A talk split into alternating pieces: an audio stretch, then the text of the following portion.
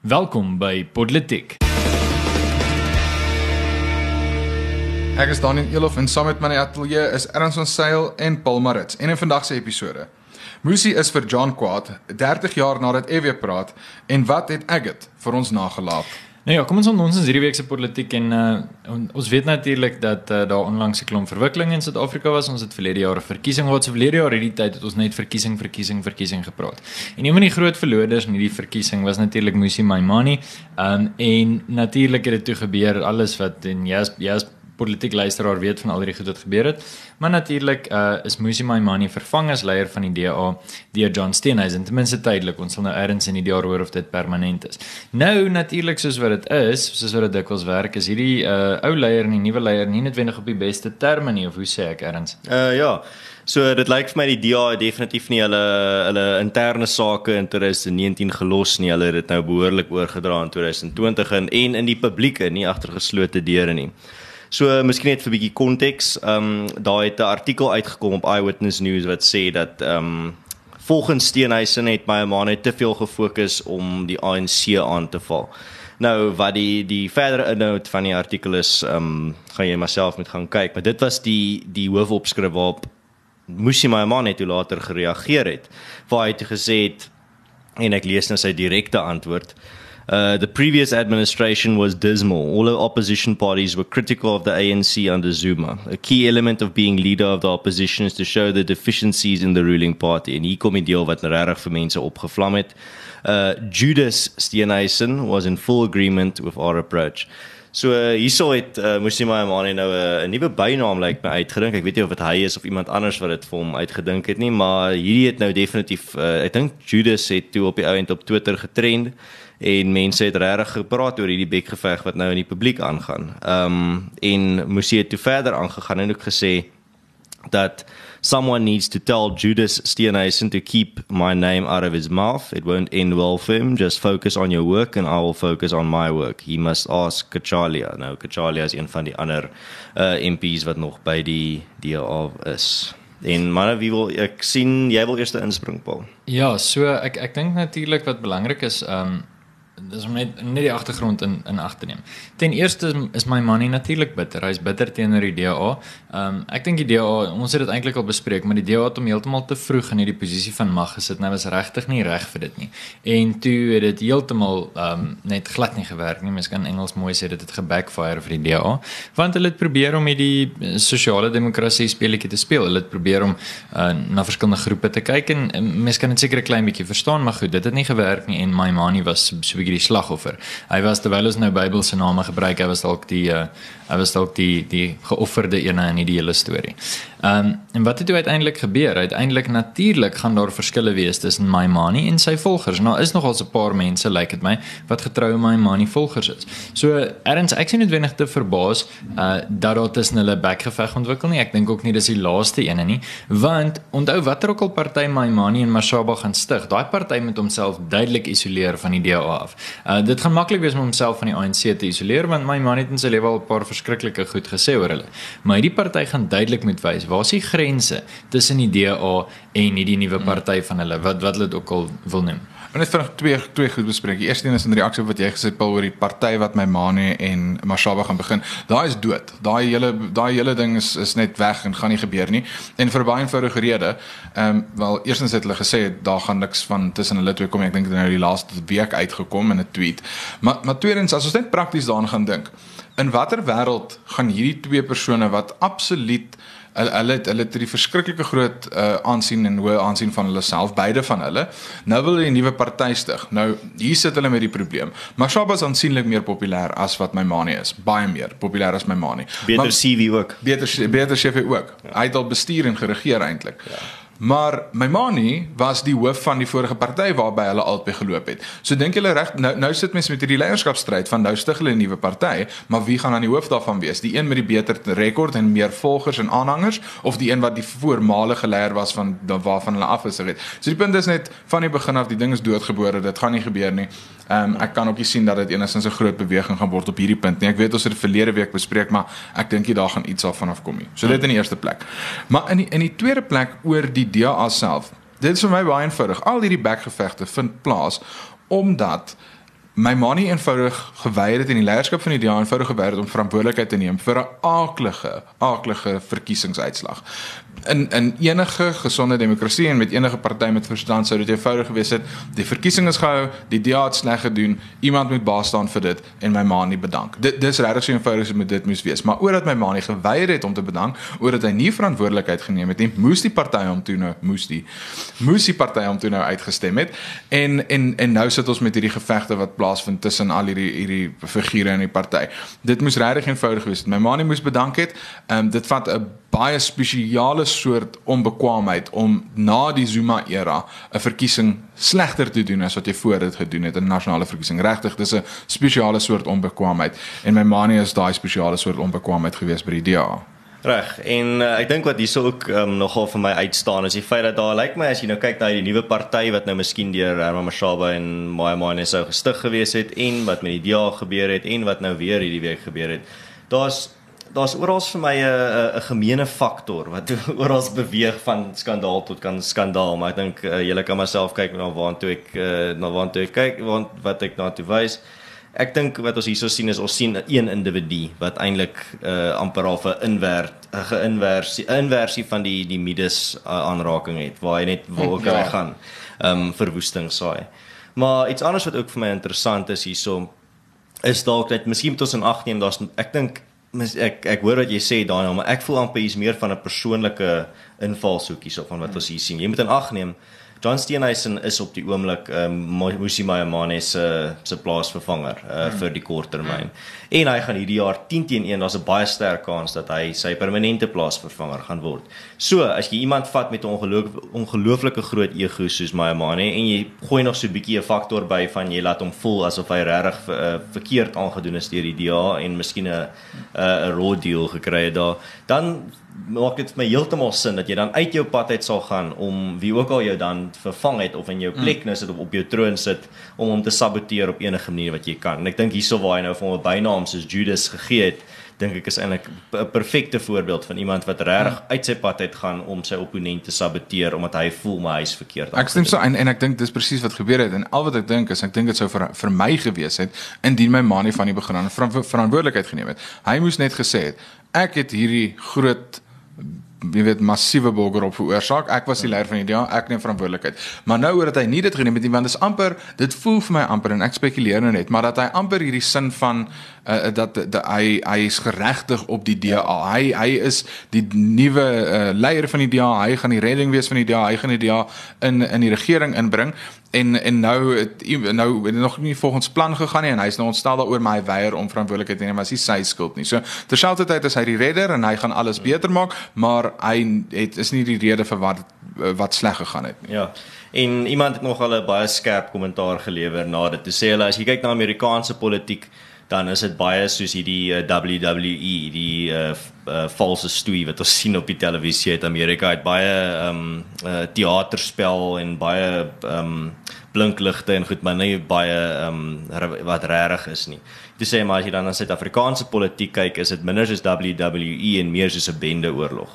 So ek dink definitief hierso het ons bietjie van daai gesien. Nou ja, volgende storie waarna ons vandag kyk is dat ons uh, afgelope Sondag die 2de Februarie het ons die herdenking gehad van 30 jaar na F.W. de Klerk se bekende toespraak. Nou, hoekom is die toespraak van 2 Februarie 1990 so belangrik? Wel, primêr omdat drie dinge gebeur het.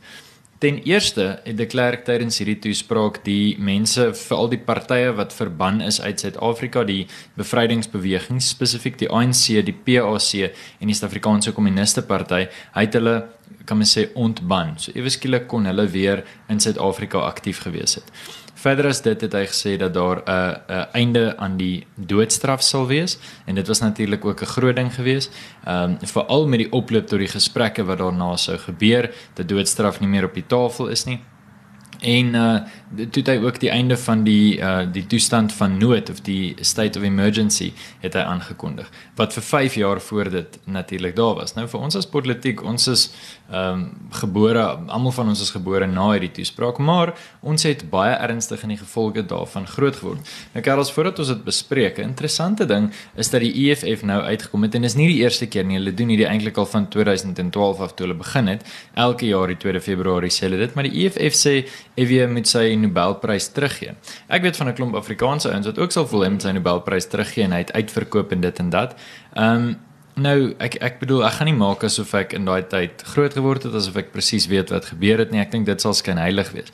Wat ek wel kan sê is ek dink tydens die besprekings is daar hier en daar nie noodwendig waarborge geneem nie. Hier en daar is daar nie seker gemaak nie hier en daar nie regtig baie plekke is daar nie seker gemaak ehm um, dat dat daar nie maar net um, minderheidsonderdrukking verruil sal word vir meerderheidsonderdrukking nie en dit moes dalk beter gedoen gewees het. Maar my gevoel is dat daai gesprekke moes gebeur het en na die 2 Februarie uh, 'n uh, proses begin het wat nodig was om te gebeur. Ek sal die inhoud van daai proses kritiseer en, en vir jou as politiek luisteraar, ek weet ek klomp mense voel anders as ek en hulle voel nee maar dit moes in die eerste plek anders benader gewees het. Ehm um, maar die die tyd het regtig gekom en die feit dat die muur geval het in in Duitsland was eintlik maar dink ek een van die groot redes waar een van die groot dinge waarvoor die NP gewag het.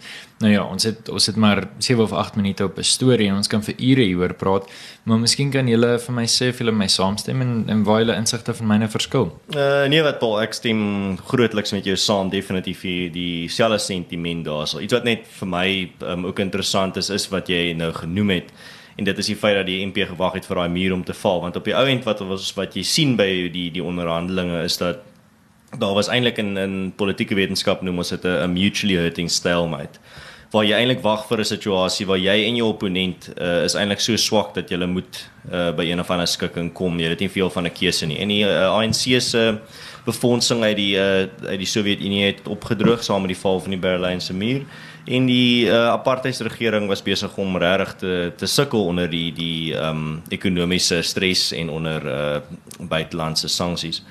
En wat ons dan baie met en ek dink dit is die geval met meeste goed as jy so terugkyk, is daar's 'n groot voordeel aan terugkyk waar jy kan sê maar jy's ek sou dit ek sou dit beter gedoen het en ek kan nie glo hulle het dit gedoen nie.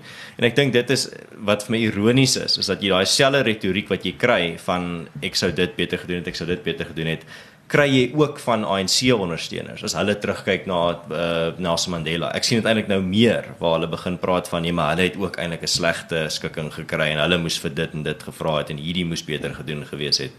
En dit is hoekom dit vir my interessant is dat jy ook nou gepraat het van ehm um, dieselfde mense wat sê maar uh EWS se se Nobelprys met weggeneem word kan jy eintlik aan albei kante van die spektrum kry. So is my interessant dat jy hierdie albei dat jy twee ehm um, dat jy hierdie kontras kry in twee faktore by die of hy sê prys met hou of nie as ook ehm um, die die skikking in die onderhandelinge wat wat gemaak is daai tyd is regtig gee vir 'n bietjie perspektief. Ek ek sê met jou sampel vir my is dit baie eenvoudig. Ehm um, weer eens dis dis maklik om nou wat 20, 30 jaar terug te kyk en te kritiseer en sê wat fout gegaan het. Ek dink dit is net belangrik om daarop te let dat oor dit net oor dit die gevolge of dit hoe die die kom ons sê die proses uitgespeel het nie noodwendig so lekker uitgespeel het en ons nou met nog meer staatsbeheer en sosialisme sit as wat ons voor dit gesit het, beteken nie die besluit is noodwendig verkeerd geweest nie of of die optrede is verkeerd geweest nie.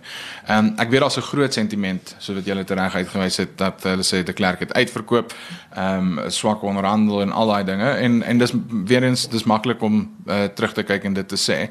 Vir my is dit baie eenvoudig. Ek dink ons kan vandag met sekerheid en baie veiligheid sê dat een van die grootste foute wat de Klerk gemaak het is dat hy onderhandel het met die ANC asof hulle die Alpha en Omega verteenwoordiger van die hele swart Suid-Afrikaanse bevolking was.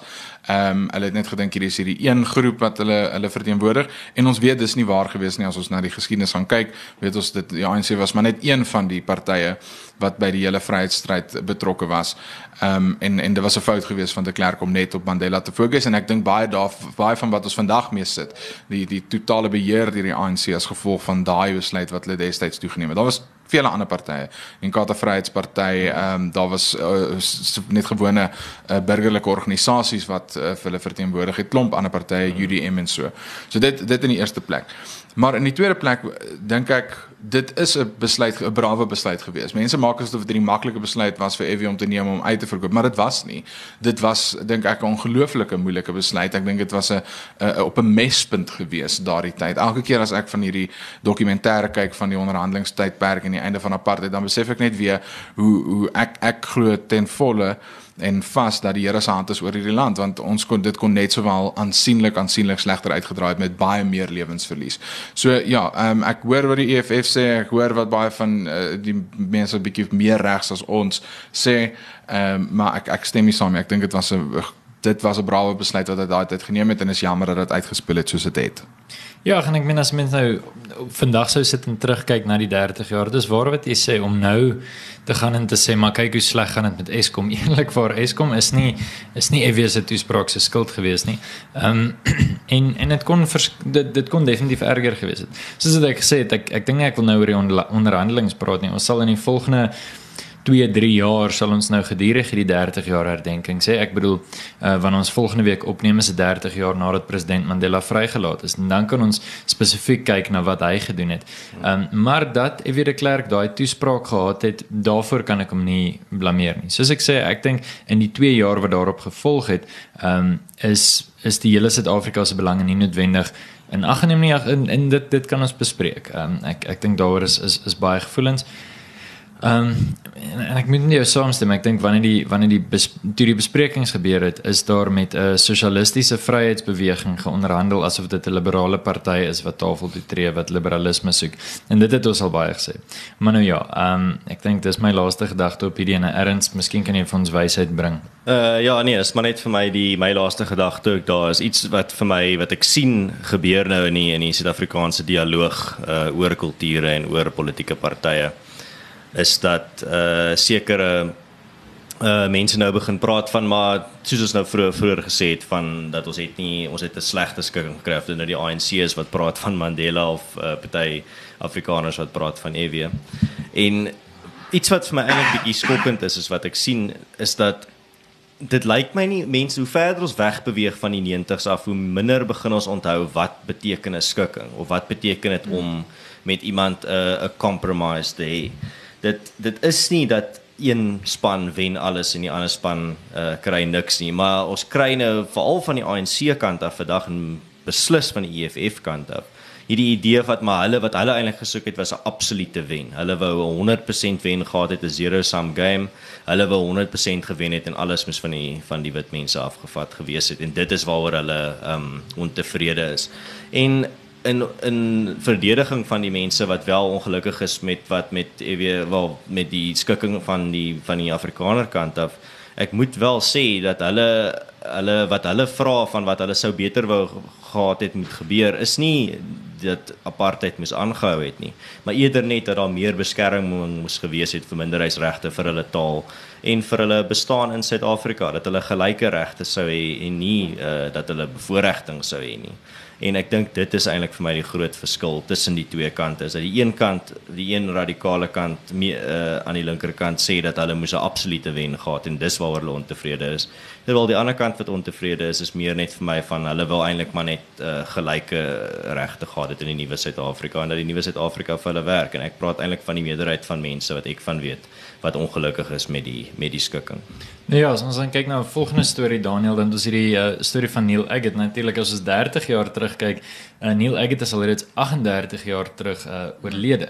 En natuurlik uh, is is hy een van die van die bekende anti-apartheid stryders wat van buite die ANC gekom het mm. wat ook sy lewe verloor het. En ek dink dit sluit eintlik nog as mooi aan by dit wat jy gesê het. Ja, nee 100%. So uh, soos dit mense weet, uh, Neil Agate soos jy gesê het, Paul, hy was 'n dokter gewees, hy het in swart hospitale gewerk in die 80s nadat hy geswat het en hy was ook 'n uh, 'n vakbondlid en 'n leier organiseerder ja. Ja, en ehm um, ek het 'n storie nou oorlede terwyl hy in aanhouding was by uh, John Foster Plain en uh daar daar was 'n net na sy dood was daar toe nou 'n nadoodse geregtelike doodsondersoek wat gehou is in in 1982 waar daar bevind is dat na dit was 'n 44 dae saak George Bezos was die prokureur aan vir Agatha namens Agatha se familie ehm um, en en daar was net basies maar geargumenteer oor wat, wat het Agatha se dood veroorsaak en en terug in 1982 het uh, Bezos geargumenteer dat het se dood is amper deur 'n gedwonge selfmoord gewees. Dit is hulle punt wat hulle geneem het. Hulle gesê die marteling was so erg deur die polisie dat dit hom gedwing het om om sy eie lewe te neem.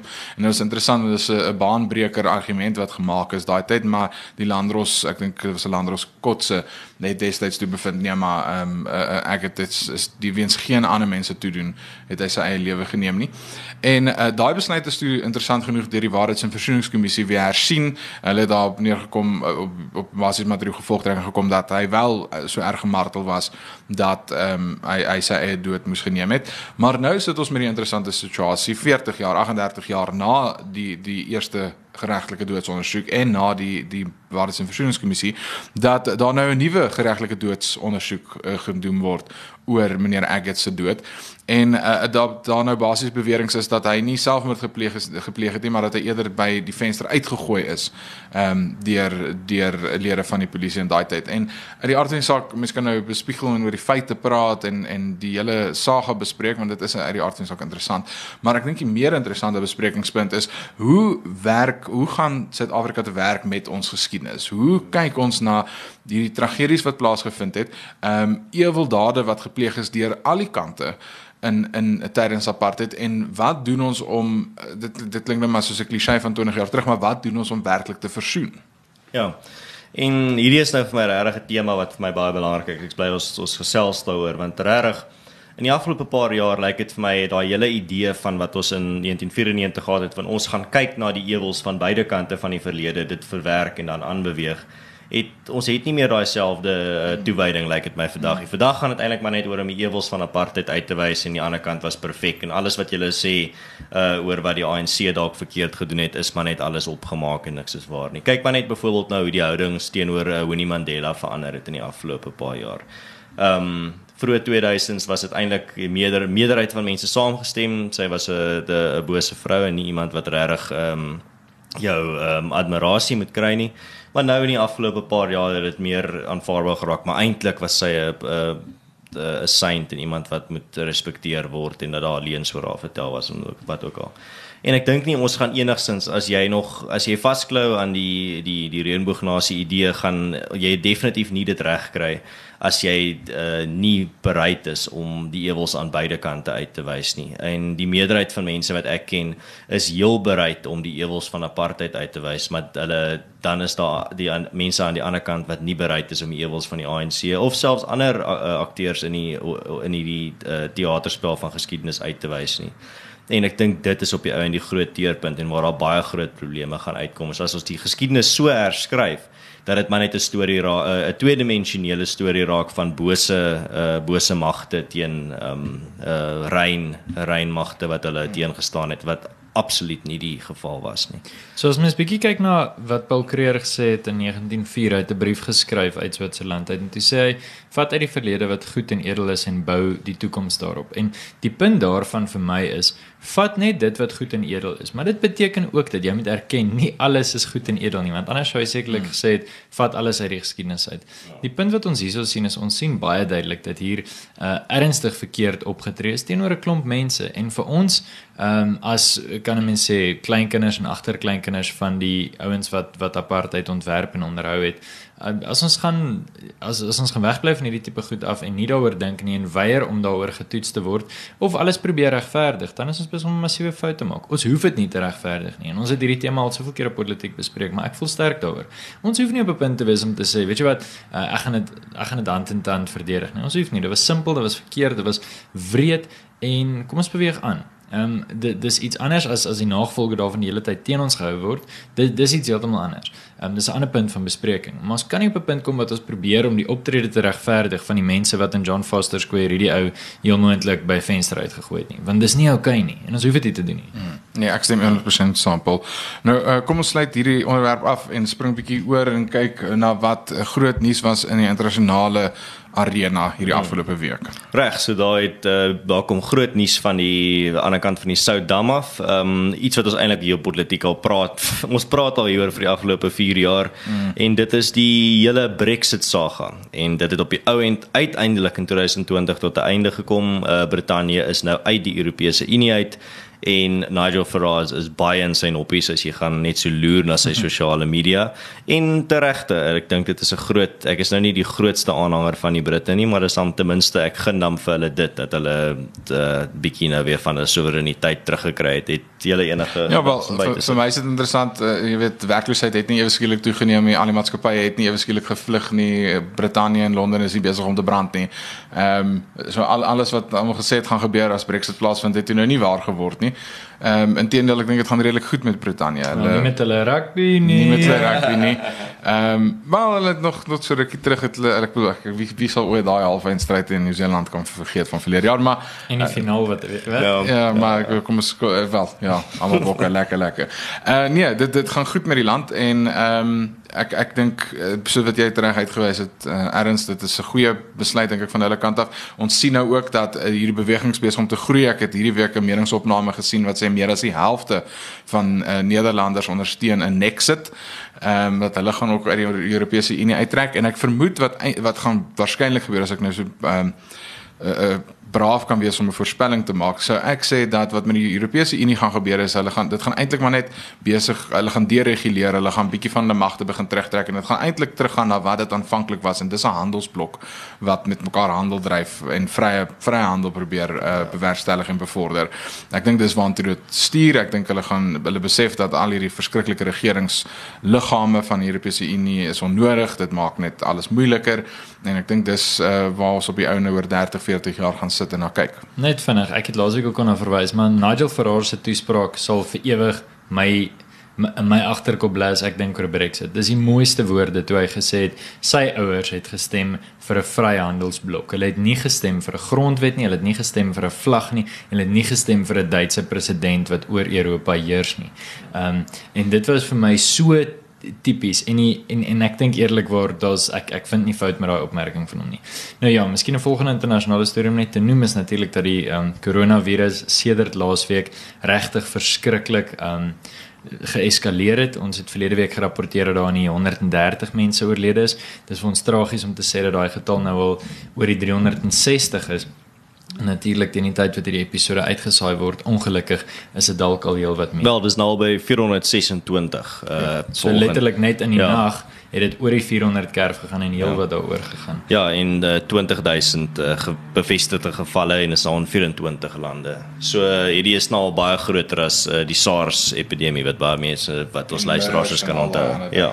Ai, nou ja, goed. Ehm um, ons uh, ons sluit dan af met 'n met 'n vinnige blinkkant bo die Buffelsrivier, 'n uh, een van die riviere wat wat deur die Karoo loop. Ons natuurlik nie baie nie en meeste van hulle is nie standhoudend nie, maar die rivier is lekker vol uh en dit bring regtig baie nodige water aan 'n deel van die land wat ehm um, wat ernstig water nodig het. Reg so. En dan soos reise na China is hierdie episode eers vir nou verby. Ons nooi jou as luisteraar uit om ook self 'n bietjie te ontnonsens deur die gesprek voor te sit in die kommentaar afdeling. Ondersteun ons gerus op Patreon as jy hou van wat ons doen en jy is ook welkom om vir ons 'n resensie te los met jou klagtes en gedagtes.